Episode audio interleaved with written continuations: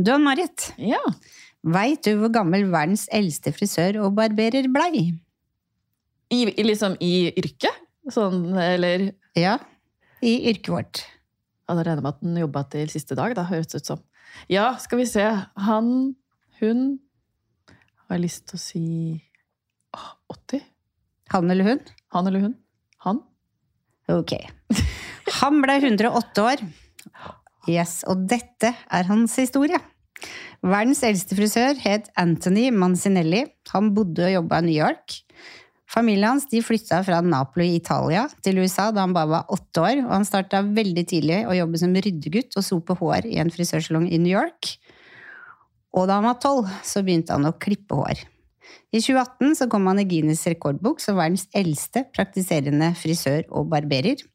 Og Anthony han rett og slett elska jobben sin to the end. Han døde i 2019, 108 år gammel og fortsatt i jobb. Da hadde han vært frisør i hele 96 år. Så der har vi mye å lære.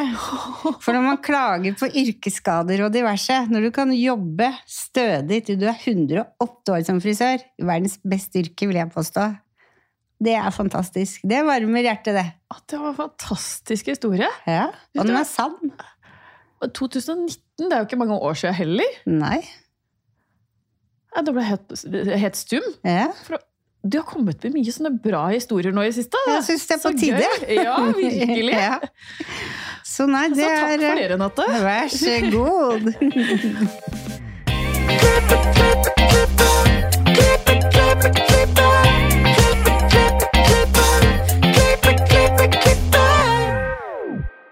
Velkommen til Hårpodden. Jeg heter Ann-Marit. Jeg heter Renate. Ja, bortsett fra å lese historier, hva fordriver du tiden med, Renate? Ja, nå flyter alt litt sånn her og der og i hverandre, og det er kjempegøy, for nå holder vi på med innspurten av skolekonkurransen i bakstolen. Og det er første året, og det er veldig, veldig gøy, og veldig, veldig spesielt å få utplasseringselever som sitter og skal jobbe med bilder som de vil ta. Det syns jeg er skikkelig koselig. Se sånne unge spirer. Så er det jo selvfølgelig da dobbeltspenn, da, for vi holder jo på å planlegge bakstolen 2024 Awards. Så det flyter i hverandre med alt annet. Disse unge spirene, er det mange som har levert inn, eller? Det er mange som holder på å levere inn, for fristen er 22. februar. Så noen har det, skoler har det faktisk som skoleprosjekt og skoleoppgave. Mm. Og andre har det som utplasseringsoppgave, som de som er hos meg, blant annet. Mm. Så det, har, det er ikke 3000 som det var i Bakstolen Awards, det er det ikke. Men det er en veldig bra start. Ja. ja, det må begynne et sted. Ja, syns det er så bra. ja, Jeg heier skikkelig på det der. ja det, takk. Hva skjer hos deg?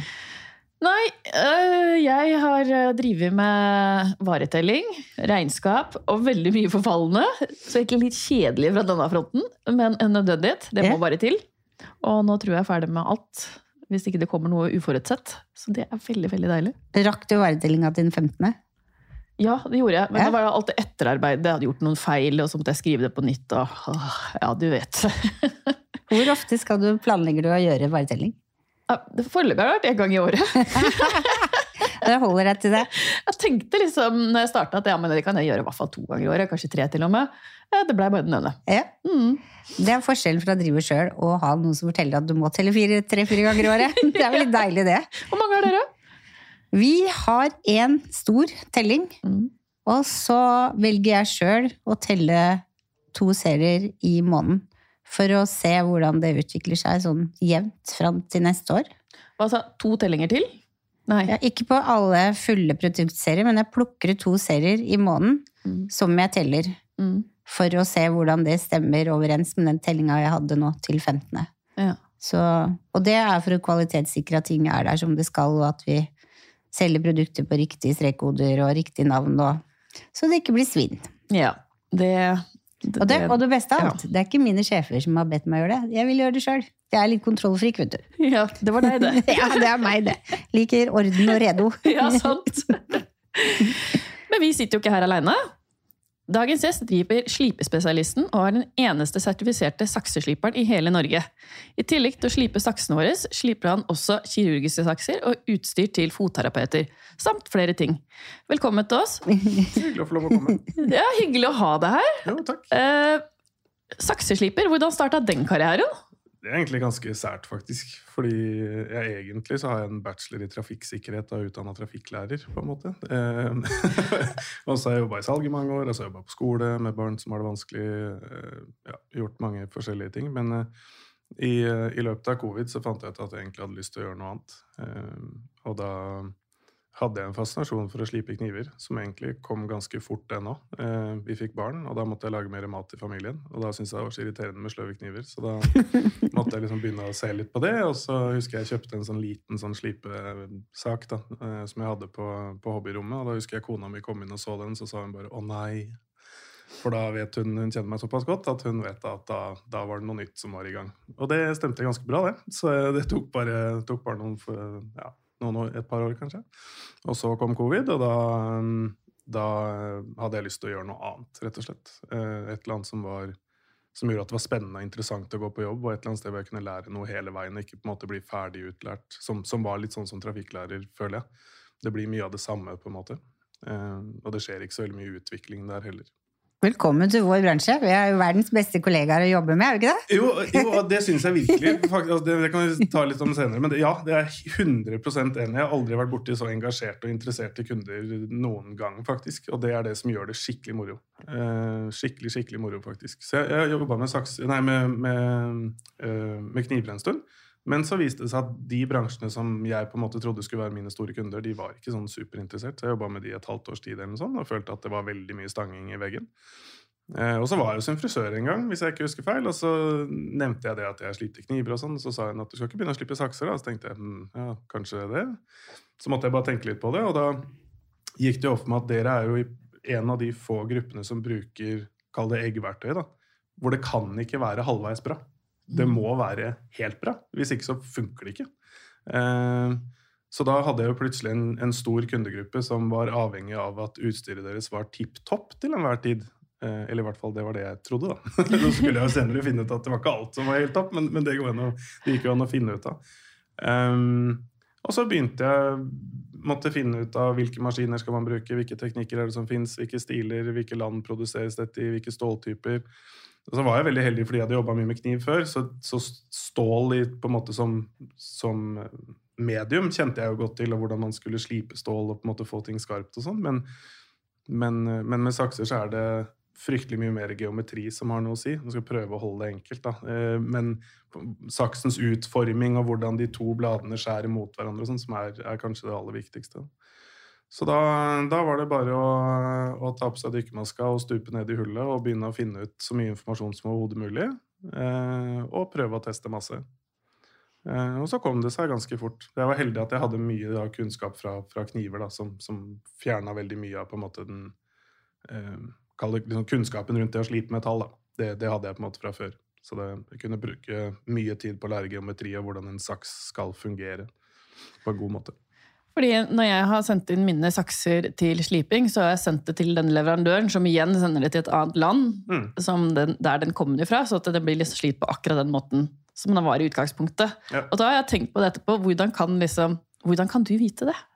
det, det, er noe man må lære seg over tid. liksom På lik linje som når dere kommer inn, så identifiserer dere verver mye bedre enn folk som aldri har klippet hår før. på en måte. Jeg vet ikke om det er en god analogi, men jeg skulle tro at det er i samme om de har hardt hår, stivt hår, bølget hår altså Alle disse tingene tilpasser dere jo til. Og Det blir litt det samme her. Ehm, I praksis så kan man jo ta opp en saks, og så ved å se på de forskjellige, hvordan den er satt sammen, hvilke buer som er geometri, ergonometri og sånn, så skjønner man på en måte hva det er som er poenget med denne saksen. Ehm, et godt eksempel for eksempel, er hvis du, hvis du, ser for deg en saks foran deg, så nå blir jo dette her uten video, men, men eh, at du tenker at måte, fingerhullene går rett ut og er symmetriske. Eh, altså at Hvis du holder saksa foran deg, så er den helt symmetrisk på midtpunktet. Så er det en saks som er sånn Kall det all around-saks, eller på en måte som er, skal brukes til alt mulig rart. Mens hvis du pointer mye, f.eks., så hvis du skal pointe med en sånn, så får du albuen veldig, veldig høyt. Mm -hmm. eh, men da har man jo også sakser som har et offset, som det heter, hvor på en måte eh, fingerhullene går ut til siden, som gjør at du får en mindre vinkel i albuen igjen. Og da kan man identifisere at det er en pointesaks. Um, og en slicesaks kan man identifisere med at bladene ikke er rette. Det er en bue der hvor, hvor, uh, hvor skjæreeggen er på bladet. så, så det er en del sånne type ting som man, som man kan se etter. Og, og, worst case så kan man jo gå inn på en nettside og, og bare se hva er det produsenten egentlig skriver at dette er for noe. Eh, Jaguar eksempel gjør det. Så hvis du går inn på Jaguar, så kan du se at eh, den modellen det er en saks som er lagd for det. Eh, og det tror jeg de aller fleste produsentene har. Da. Vi har jo en veldig god stall med sakser i Norge i forhold til resten av verden. Så nordmenn kjøper dyre og bra sakser. Fordi vi har jo sendt alle våre sakser til deg. Ja. Og jeg tok sjansen, da. Fordi jeg ville ikke levere min eh, Excellent Edges og være borte fra den i åtte til tolv uker. Og jeg var borte fra den maks fem dager eller noe. Ja. Og har fått tilbake en kjempegod saks. Mens min tidligere kollega sendte sin til Australia, venta i tre måneder og fikk inn en sak som ikke var noe bedre enn før hun sendte den ned. Ja. Så det er, altså, jeg tror ikke man skal være så redd for Men det er et godt poeng, for at Ja. man, jeg må liksom planlegge Nå skal jeg ha ferie i litt lengre tid, så Trenger da passer det. det. bra å sende den av gårde. Um, et, det, var, det var mye av det jeg brukte tid på i starten, var å finne ut hva det de egentlig gjør på fabrikkene. Um, fordi flere frisører kommuniserte til meg at hvis de sendte inn ti sakser, så var det kanskje fem som ble bedre, to som var like bra, og tre som var dårligere. Og da tenker jeg det, det gir ingen mening, fordi hvis du gjør det på riktig måte, så skal det jo bli bedre, så lenge ikke saksen er skada, bøyd, knekt, eller altså et eller annet som på en måte er til det nivået hvor du bare må kaste den. på en måte. Eh, Så er det jo bare snakk om å gjøre det riktig, men da er det klart man må ha utstyr og kompetansen og, og interessen da, for, Mm. for å komme dit hvor, hvor man klarer å identifisere problemene og, og fikse de. Eh, Men jeg er også veldig opptatt av å få eh, Jeg begynte med det etter hvert, å si til frisøren når jeg kom dit, hva er det som er viktig for deg med denne saksen? Hva er det du bruker den til?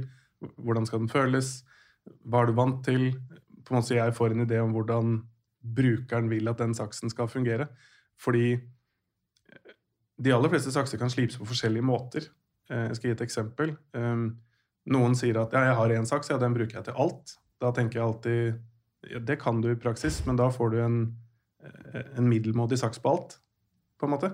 Fordi hvis du skal slice med en saks, så er du helt avhengig av at den er så skarp og så barberbladaktig som overhodet mulig, så den faktisk kan skli gjennom et hår. Men hvis du skal prøve å klippe en passé da, med en, med en saks som har glatt egg, som det heter, så vil du bare skyve håret av gårde. Fordi saksen er i praksis nå slipt for å kunne skjære, ikke for å klippe. Ehm, så, så sånne ting er, er vesentlig. Så jeg spør alltid om det. Det hva bruker du saksa til, og hva, hvordan vil du at den skal være? Og da opplevde jeg ganske ofte at eh, det var noen, noen av frisørene som sa at denne saksa den skyver så mye hår, jeg skjønner ikke, den er helt ny, og den bare skyver. Og så sier jeg, hva er det du bruker den til? Nei, jeg klipper over kam. Så sier de du har kjøpt en slicesaks. Du, du har feil saks, på en måte. Eh, du, du prøver å banke inn en spiker med en skrutrekker. Dette blir feil. Det er gøy at du kan mer om saksene enn vi som jobber med dem. Ja, men jeg, jeg, jeg tror det er viktig.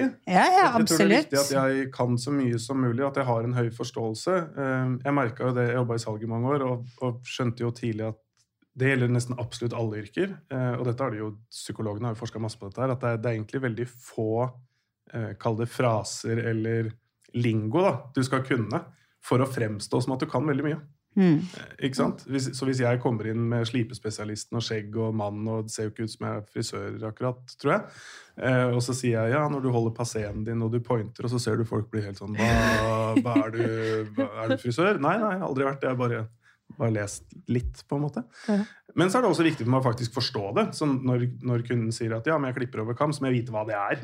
Hva- er det for noe, på en måte? Eh, eller slice eller pointe eller alle disse forskjellige spesialordene som dere bruker. da, ikke sant? Så det er greit at jeg vet hva det er. Har det vært vanskelig å sette seg inn i den verdenen vår der? Egentlig ikke. Eh, egentlig ikke. Eh, fordi Nå skal jeg passe på at jeg ikke bommer, da. Men jeg, jeg føler på en måte at min bransje og deres bransje egentlig i praksis er ganske lik. da. Så i, i utgangspunktet så er det slipe, slipe ting er ikke veldig vanskelig. Ikke sant? Du skal bare fjerne metall, og så skal du polere det opp. og så i, i praksis. Sant? Og, det, og litt det samme som kanskje å klippe hår også. Du skal bare klippe av hår, men så er det jo ikke det. Så det er i praksis en, en type utøvelse som i, i sin kjerne er veldig enkel, men som man kan gjøre veldig avansert og få veldig mye spennende ut av. Mm. Um, og, det, og det tror jeg er litt av likheten i det.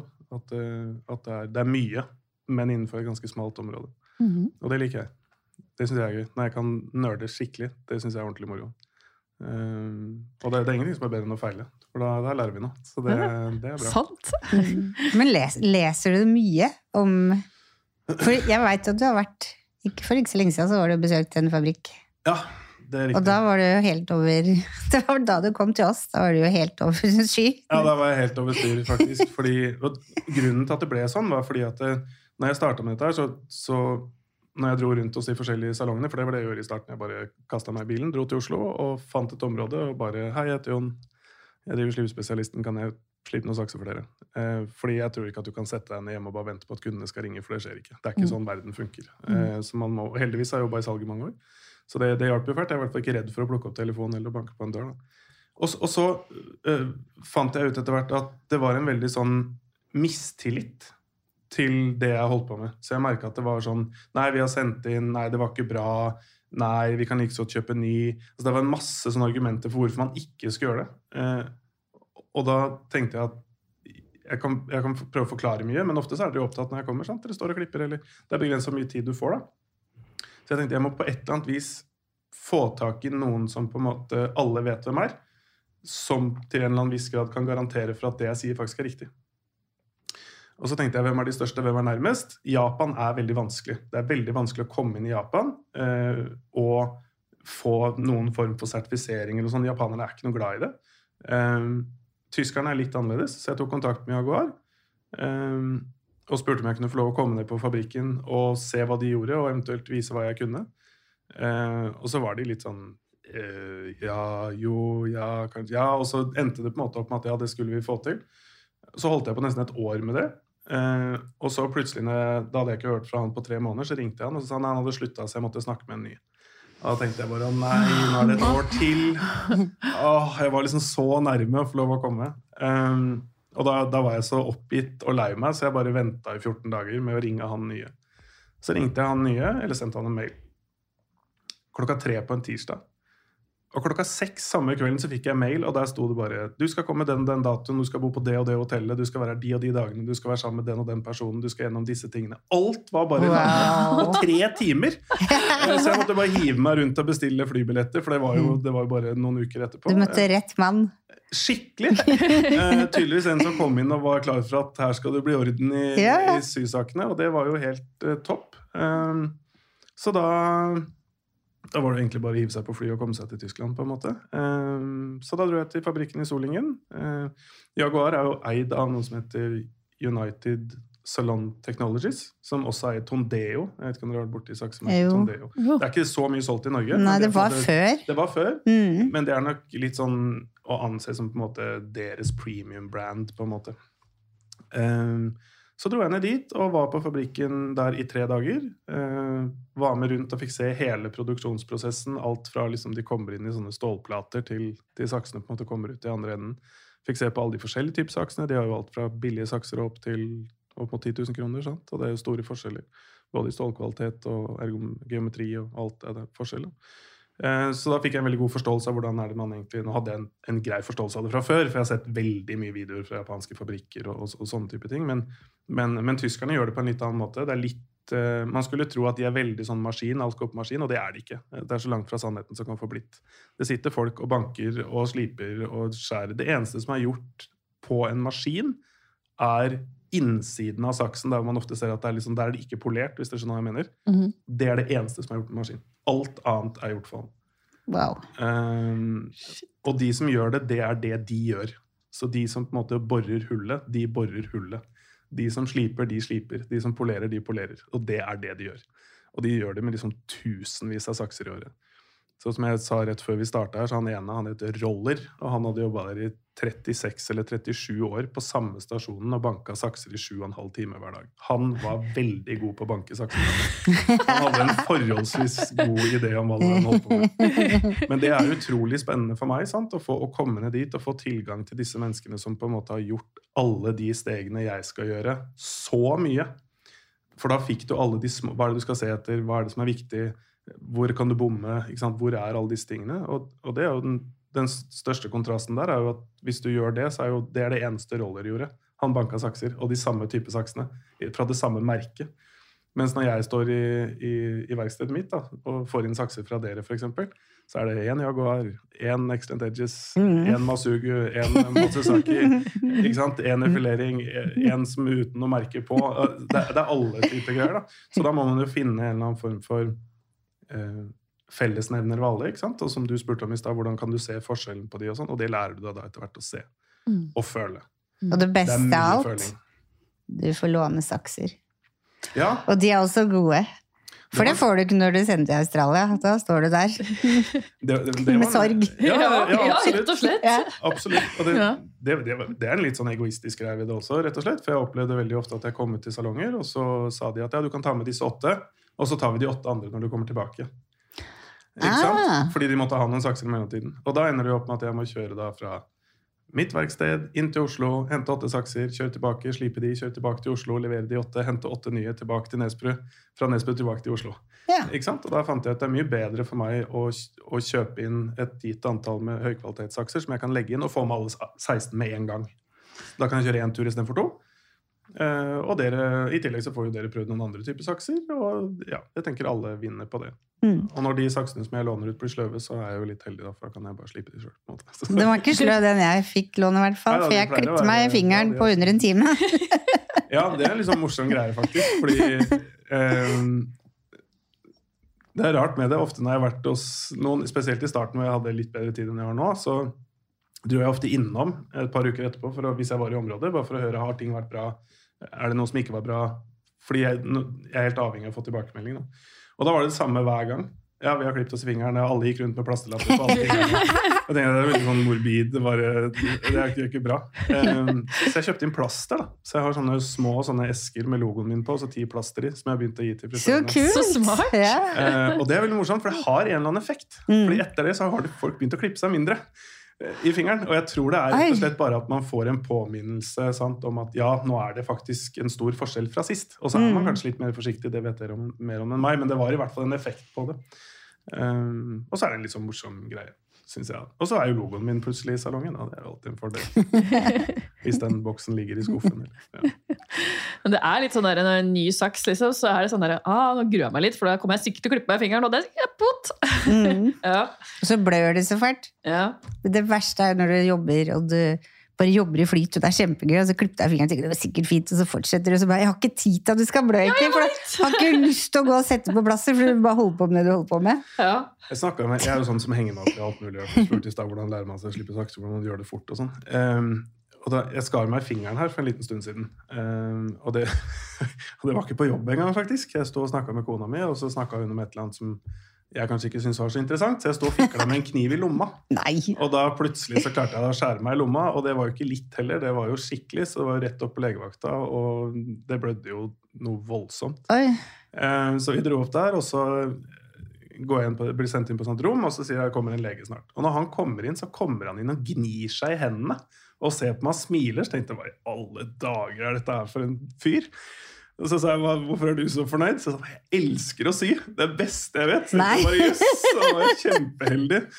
Eh, Så han sydde syv sting i fingeren. Og egentlig så trengte du to. Nei. Egentlig så tenkte jeg kanskje en, en strips, på en måte. Nei, Oi, du nei, måtte sikkert sy det, men han, altså, du kan ikke se det engang. Han var skikkelig, skikkelig proff. Så bra. Ja, Kjempemorsomt. Men det som var poenget, var at han fortalte at når du skjærer deg, så er det på en måte Hvis du skjærer deg med noe som er sløvt, eller hakkete, eller si en brødkniv eller et ark, eller noe sånt, Mm. så slutter det å blø veldig fort. Mm. Fordi kroppen skjønner at her har det skjedd en skade, så sender den masse blodlegemer, og så, og så tettes det fort. Hvis du skjærer deg med noe som er skarpt, så skjønner ikke kroppen at den på en måte har blitt kutta. Ergo så blør det mye lenger. Eh, fordelen blir motsatt. da, at Hvis du skjærer deg med noe som er skarpt, så får du ikke noe stygge arr.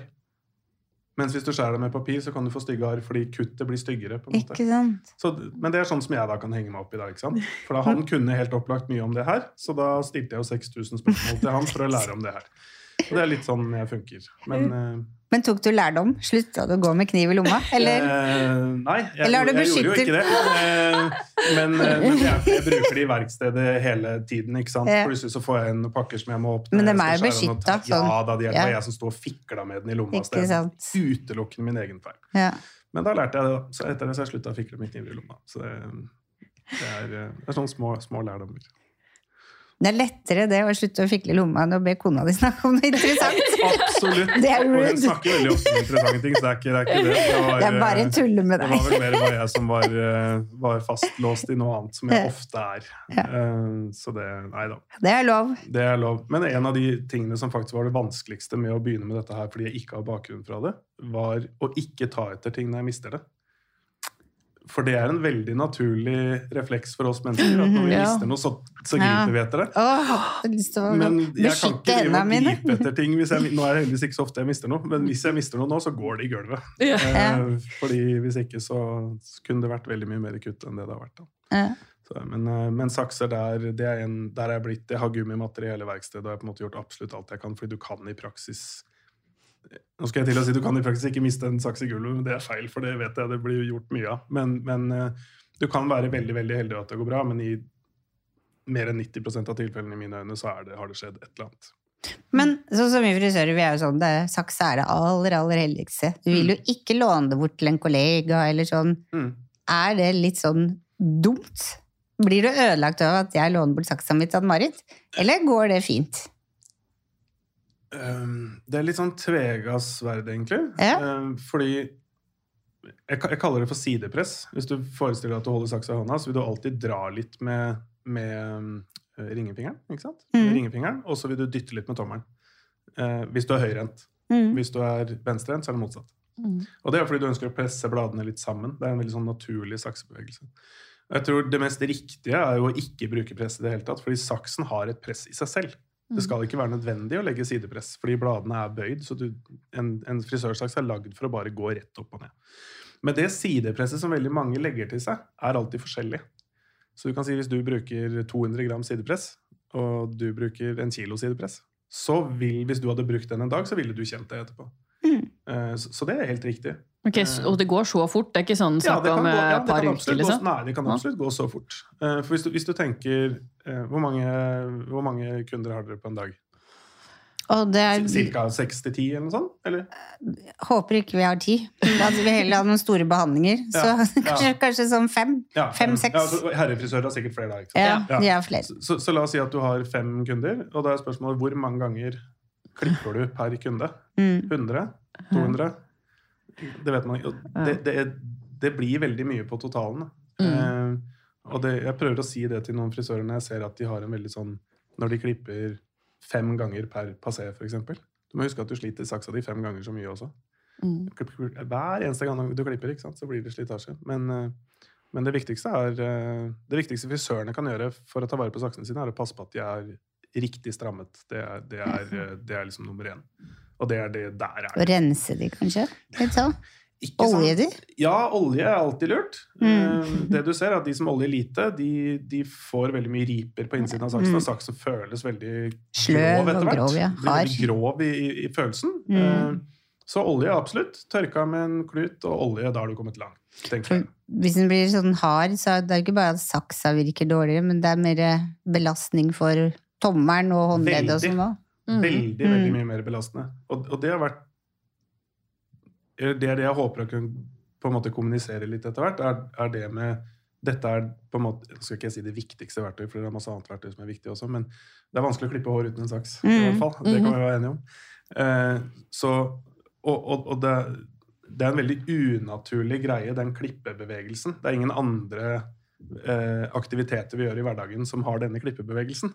Eh, så, så det er klart, hvis den blir tung i tillegg, eller ikke funker, eller eh, Og så er det ikke noe- Det vet jo alle, det er ikke noe ålreit å skjære med en sløv kniv, og det er ikke noe ålreit å klippe med en sløv saks. Det, sånn er det bare, på en måte. Altså det, det beste er når du får den ut, og den er helt ny, alt er crisp, alt sklir, og det er ålreit, på en måte. Um, men, men jeg tror du har rett i det du sa i stad om at det er uh, Eller jeg, min erfaring er at bransjen kanskje ikke har, har lært alt om saks. Eh, Og det har jeg fått bekrefta også ved flere anledninger, at, at det er kanskje litt mangel på forståelse rundt forskjellige saksemodeller, typer. Jeg vet ikke om man lærer det på skolen, eller, eller hvem det er som Men, men jeg mener at det er veldig viktig. Av det. Mm. Eh, Mm. At det er klart Hvis du står og pointer dagen lang, ja, men da burde du ha en pointesaks. Mm. Mm. På en måte. Eh, jeg tror Jeg har veldig lite troa på én saks til alt. Det, det tror jeg ikke er riktig. Eh, For da hadde det ikke vært lagd forskjellige typer sakser. på en måte. Men jeg opplever Det er en sånn dum ting da med frisører, men hvis du hadde spurt meg hvordan holder du saksa, så hadde jeg brukt lang tid på å forklare. slinker jeg saksa i hånda. Har du tenkt på det? At du må liksom ha en saks og vise hvordan du stikker fingrene inn. Det er vanskeligere uten saksa. Ja, ja jeg tror jeg også måtte, måtte ha hatt det. Ja. At jeg må ha en saks å vise med. Og så er det jo leverandøren som vil kjøpe saksen av, så man får den informasjonen.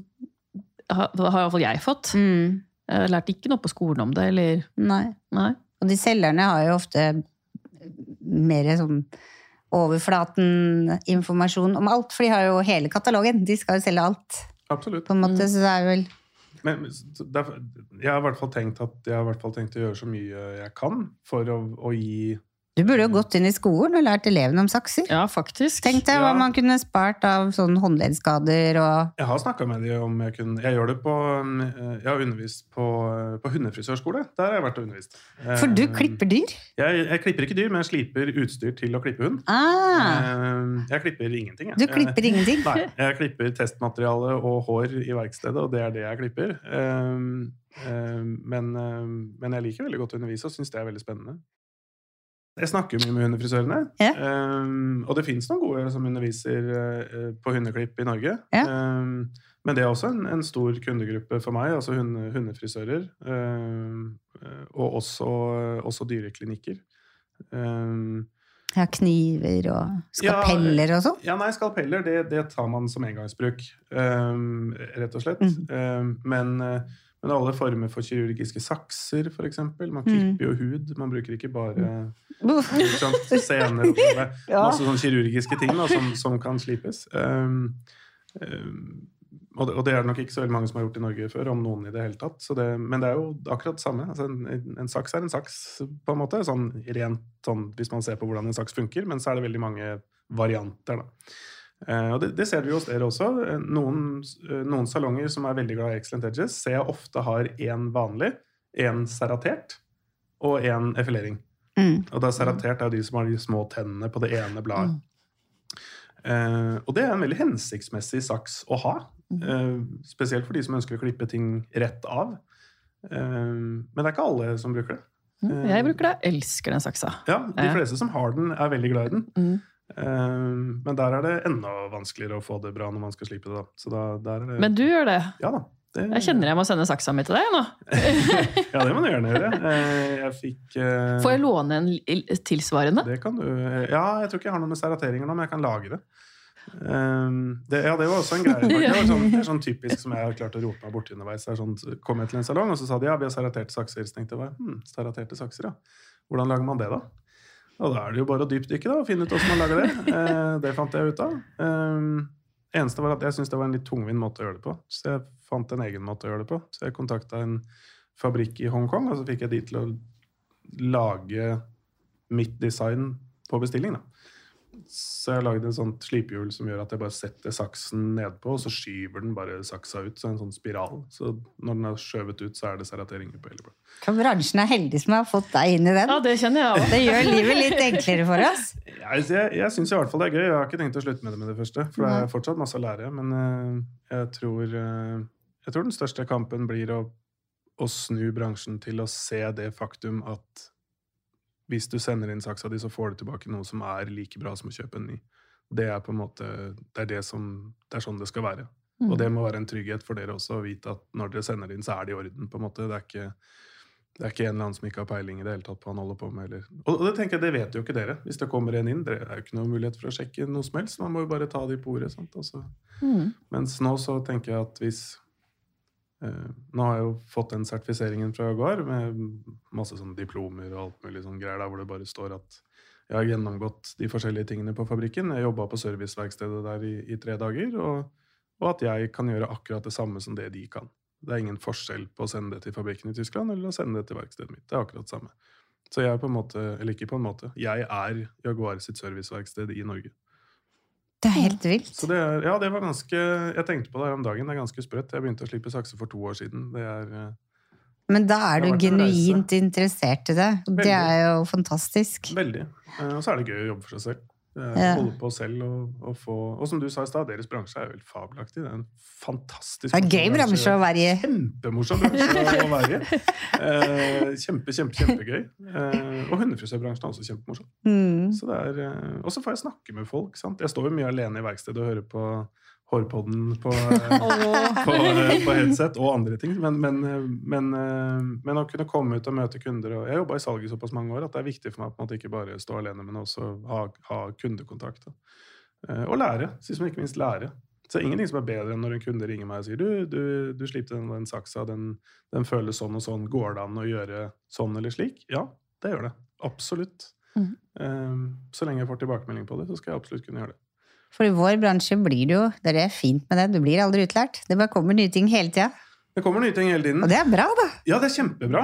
Mm. Eh, og så er vi, vi er eh, Det norske markedet, eller den norske frisørbransjen, er annerledes fra en del andre. Jeg vet eksempel Nå tar jeg bare ut fra min egen erfaring, så godt hende det er feil, men, men mitt inntrykk i hvert fall er at vi liker veldig små og lette sakser.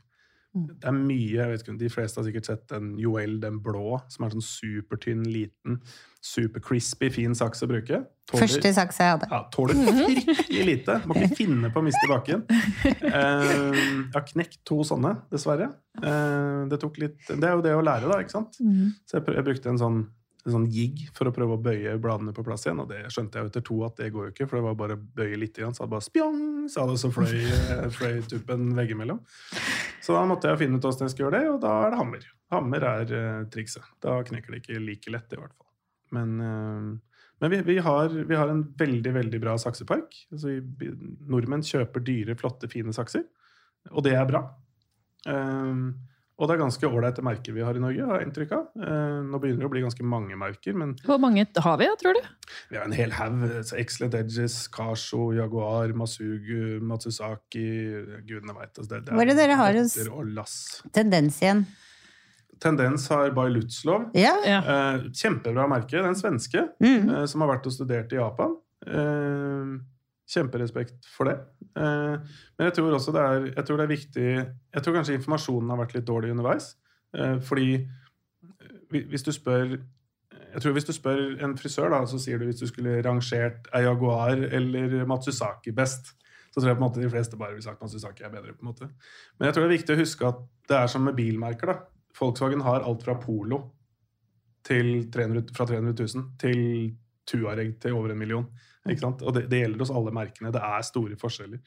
Og det var litt morsomt når jeg var på Jaguar-fabrikken, fordi de ville gjerne at vi skulle bruke veldig mye tid på de rimeligere saksene, som Pre-Style, White Line, Silver Line, som på en måte er de tre nederste til Jaguar. Og så sa jeg jeg tror egentlig ikke vi skal bruke så mye tid på det. Jeg vil helst at vi skal bruke tid på Gold Line, Diamond Line og Black Line, som er de tre øverste. Og så ble det litt sånn øh, Hvorfor det? Vi selger definitivt mest av de laveste. Så jeg nei, jeg tror ikke det er riktig i Norge.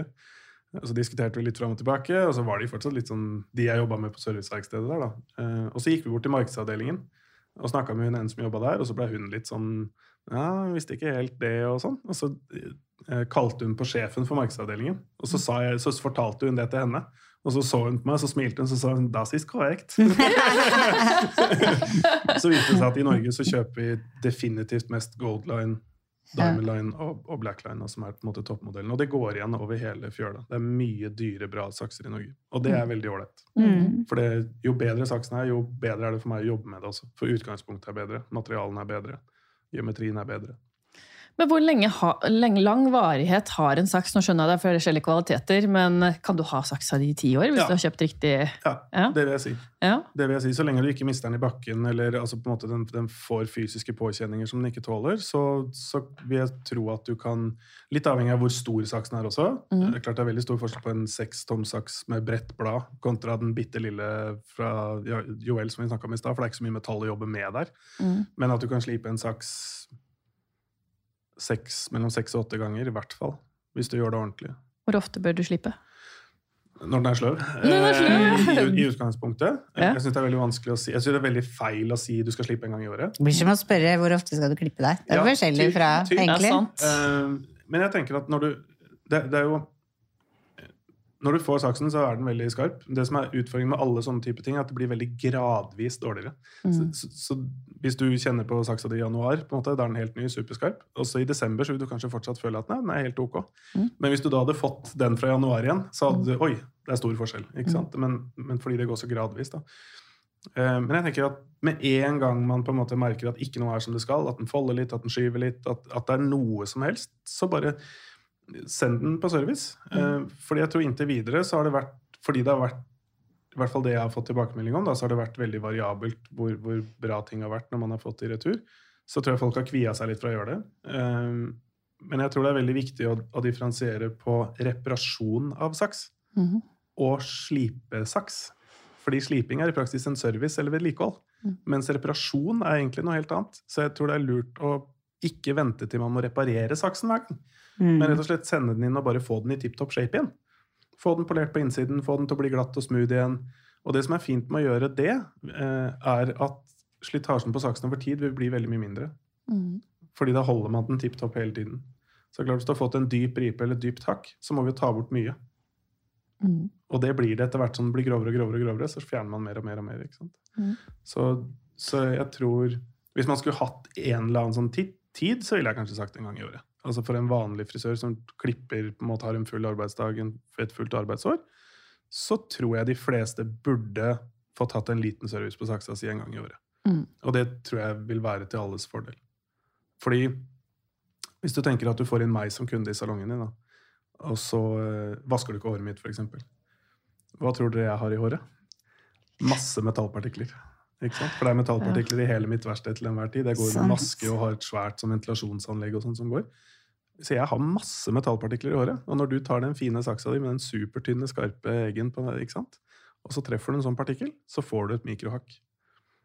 Sånn er det bare. Og da kan du tenke på alle som jobber i anleggsbransjen, alle som jobber i støvete områder. Mm. Så får du partikler i håret, og så klipper dere i det, og så får du disse småhakkene. Og jeg opplevd ofte at frisørene sier at 'jeg skjønner ikke det, for jeg har aldri klippet i noe som helst, men jeg har hakk allikevel'. Ja, det er på grunn av sånne type ting. Ja. Rett og slett. da. Så bare få en, få en liten service på saksa i ny og ne, få den tipp topp. Eh, jeg tenker kostnaden er egentlig ganske lav. Mener jeg. Det Kostnadene blir større hvis du klipper med sløv saks, så du får masse Det tror jeg sykemeldinger. også. Det tror jeg også. Faktisk. Det blir det jo. Jeg søkte etter forskning på det og fant ingenting. Nei. Men jeg fant fra Amerika så fant jeg forskning på de som jobber i kjøttbransje eller restaurantbransje eller matbransje.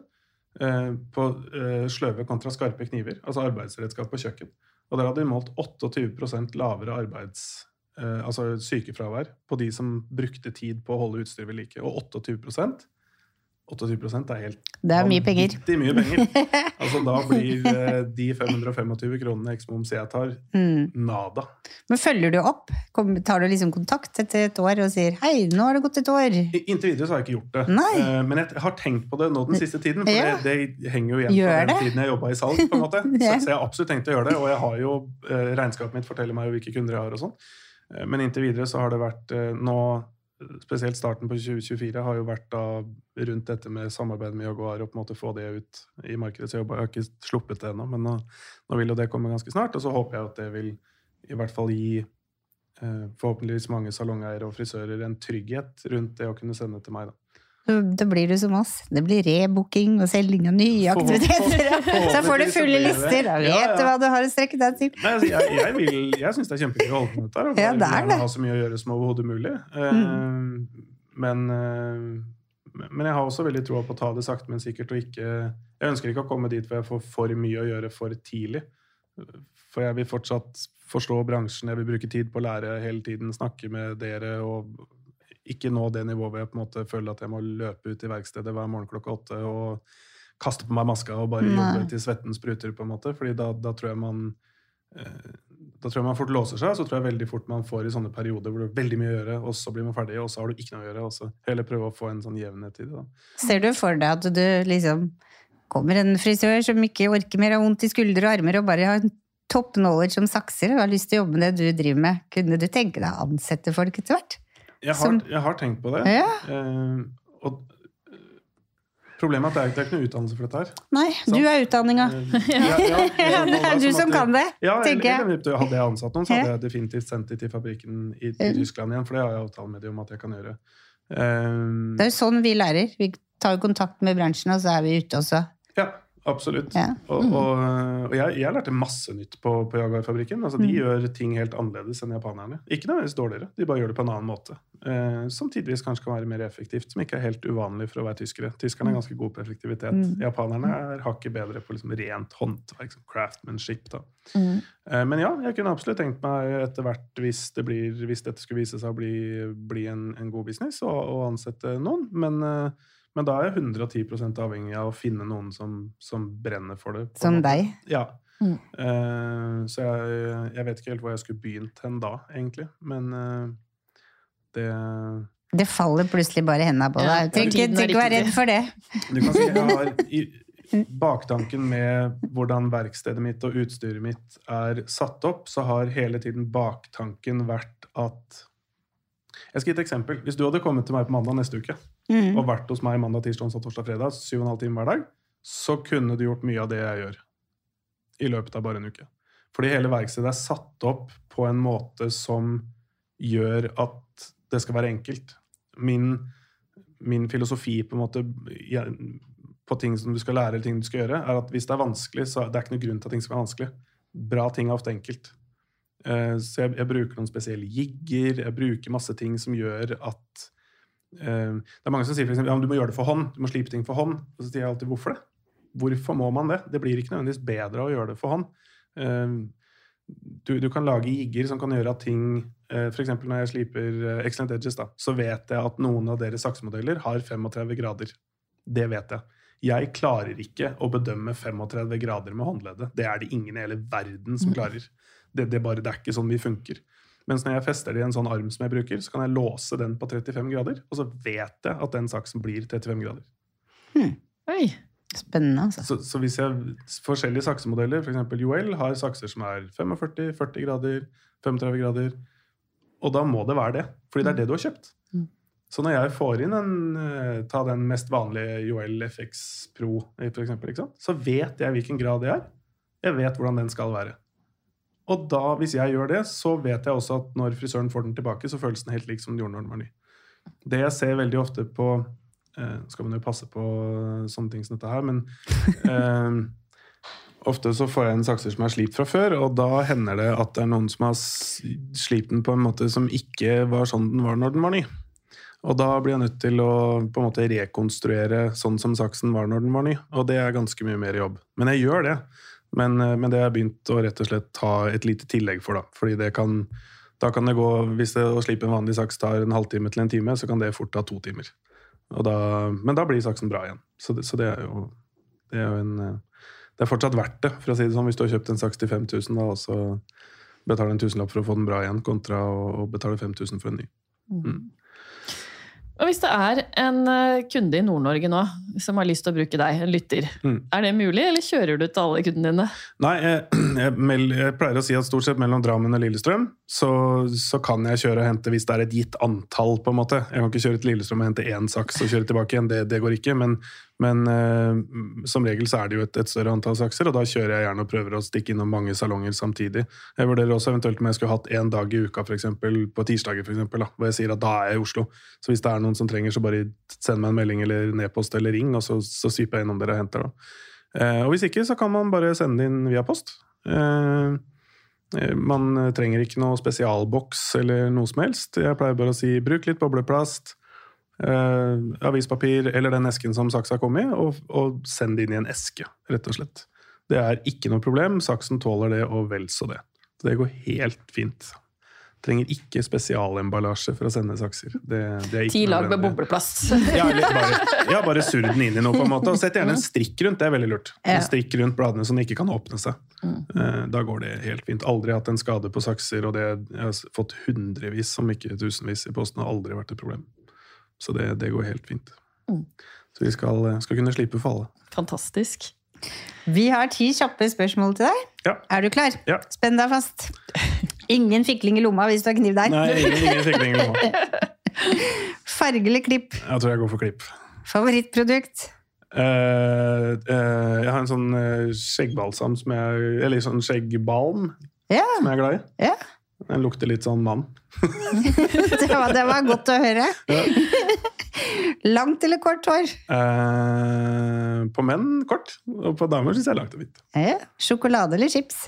Eh, sjokolade. HM eller Holsweiler? Eh, Holsweiler. Norge eller Syden? Norge. Naturlige farger eller crazy color? Eh, egentlig begge. Ja. Eh, jeg syns det er morsomt med folk som tar det litt ut. Eh, egentlig. Ja. Øl, vin, bobler eller drink?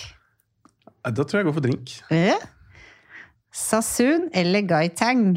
Jeg hadde visst hva det var, så, så skulle jeg gitt et godt svar på det. Men jeg vet, jeg vet ikke hva det er. Ja takk, begge to. Ja, takk, begge deler. Høres bra ut. Fancy navn, i hvert fall. Instagram eller TikTok? Eh, I firmasammenheng så er Instagram. Jeg tror det Instagram har blitt veldig som firma. Og så TikTok til eh, underholdning, rett og slett. Mm. Men jeg, kommer til å, jeg skal bli bedre på å bruke begge deler selv. Uh, prøve å dele litt. Men det er litt vanskelig å dele Det er vanskelig å lage kule videoer av det jeg holder på med. Nei da. på en måte. Nei da. På. TikTok så kan du laste ned lyder Ja, sånn, ja. på sånne morsomme ting, og så kan du lage morsomme gigs ut av det. Ja, jeg tenker mer kan- Det er vanskelig å liksom, vise fram noe spennende fra å slipe sakser. på en måte. Vi veit jo ingenting om det, så vi Nei, lærer det, om er, det. jo- det er jo et godt poeng. Men jeg har, jeg har virkelig vurdert å gjøre mer, mer av det. Jeg tror, det er, jeg tror det er en fin måte for eh, å eh, Hva heter det? Å på en måte forklare hva jeg holder på med, eller vise, vise det. Eller. 80% av det som blir vist på TikTok, er frisørrelatert. Bare hvis du vil ha større kundekrets.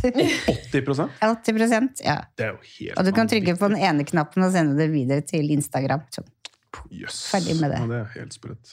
Ja, det er mye, jeg får veldig mye sånn Av helt naturlige årsaker så får jeg veldig mye frisørvideoer på alle sosiale plattformer. Og du som liker å nøle på ting, du kan nøle Ja, ja. på sosiale Ja medier. Jeg skal dypdykke ned i det. Absolutt.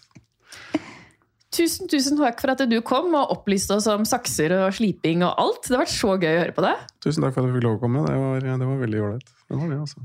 Så gleder jeg meg til uh... Hører på episoden i verkstedet. Ja, Jeg gleder meg masse. Skal stå og være Tenke på alle tingene jeg burde sagt annerledes. Nei da. Og følg oss gjerne på Instagram, Facebook og TikTok. Og du kan høre episoden på Spotify og iTunes. Og smell på masse stjerner på iTunes. Da blir vi skikkelig, skikkelig glad, for da vokser vi, og det vil vi. Og så høres vi neste uke. Ha det!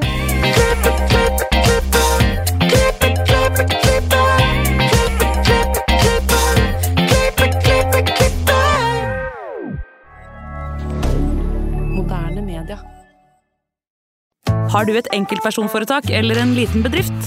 Da er du sikkert lei av å høre meg snakke om hvor enkelt det er med kvitteringer og bilag i fiken, så vi eh, gir oss her, vi. Fordi vi liker enkelt. Fiken superenkelt regnskap.